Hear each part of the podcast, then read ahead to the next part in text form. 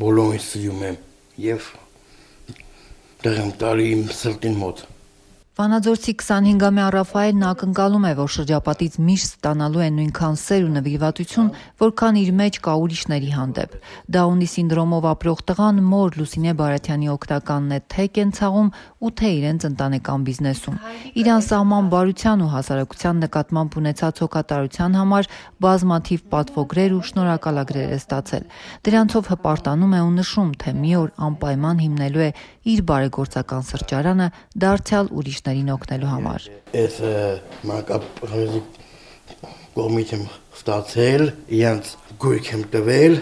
Մայրը Լուսինեն ասում է, տղան իրեն ավելի ուժեղ է դարձրել։ Նրան հասարակության լիարժեք անդամ դարձնելու պայքարն սկսել է դեռ ծննդատնից, որտեղ մի կողմից կողքինների խղճացող հայացքները, մյուս կողմից երեխայից հրաժարվելու ամուսնու պահանջները տակն ու վրա են արել իրեն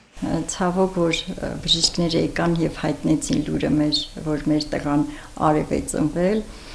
արդեն իսկ հենց առաջի այդ ռեակցիան իմ ամուսինը ցուցաբերեց եւ հարց դրեց իմ առաջ որ կամ մենք երեխային հանձնում ենք կամ մենք բաժանվում ենք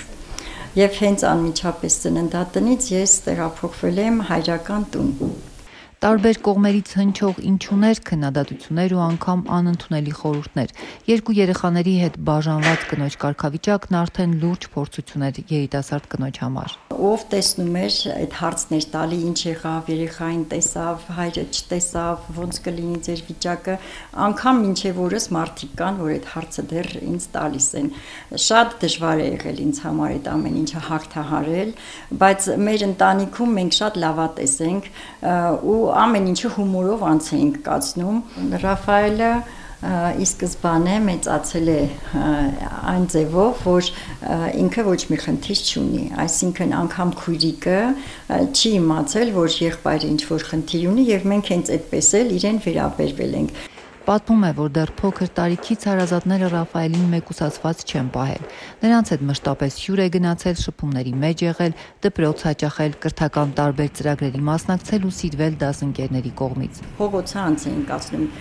տնային աշխատանքները զանգում էին, ինձ ասում էին, որ այս պիտի սովորեմ, պիտի սովորի, իսկ ինքն էլ իր շնորհակալությունը ամեն անգամ, որ իրեն հետ ընդմիջում էի դնում, ասում էր՝ «Մի հատ չդնես ամբողջ դասարանի համար» եւ միշտ sense գոնե շփաթական մի անգամ անգամ սենց մի 30 հատ կարկանդակ, հոդդոգներ եւ այլն ինձ թխել էր տալիս, տանում էր սենց ճոխ-ճոխ բաժանում էր, իրան շատ լավ էր զգում։ Համով հայացական խիկալիները երկուսով արդեն ունեն իրենց կայացած բիզնեսը։ Խինկալիի ու տոլմայի համեղ հոտն արդեն քաջածանոթ է Լուսիա Ֆուդ արտադրամասի մոտակայքում։ Լուսինեն ասում է արտադրությունն սկսել է կյանքի ամենադժվարին օրերին։ Երբ որ նպաստառուի կարգավիճակից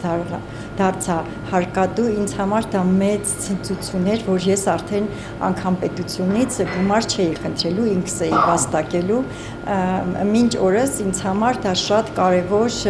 մի ցանկություն է, որ նաև կոչ եմ անում մյուսներին, որ դա մեծ վայելք է, դա հաճույք է, որ դու ինքդ ես կարող կարողանում այդ ամեն ինչը վաստակել եւ ինչ որ մեկի վրա հույսը չես դնում։ Լուսինեն դեռ այսօր էլ տարբեր դասընթացների է մասնակցում, բիզնեսն ընդլայնում ու նոր ծառայություններ սկսում ու այդ ամենին մասնակից դարձնում որդուն ինձ մեկ-մեկ մեր Երևանյան ընկերները ասում են ո՞նց ես դու Վանաձորում կարողանում բիզնես անել, դու աշխարհի բոլոր ծայրում ամեն տեղ արդեն կարող ես անել։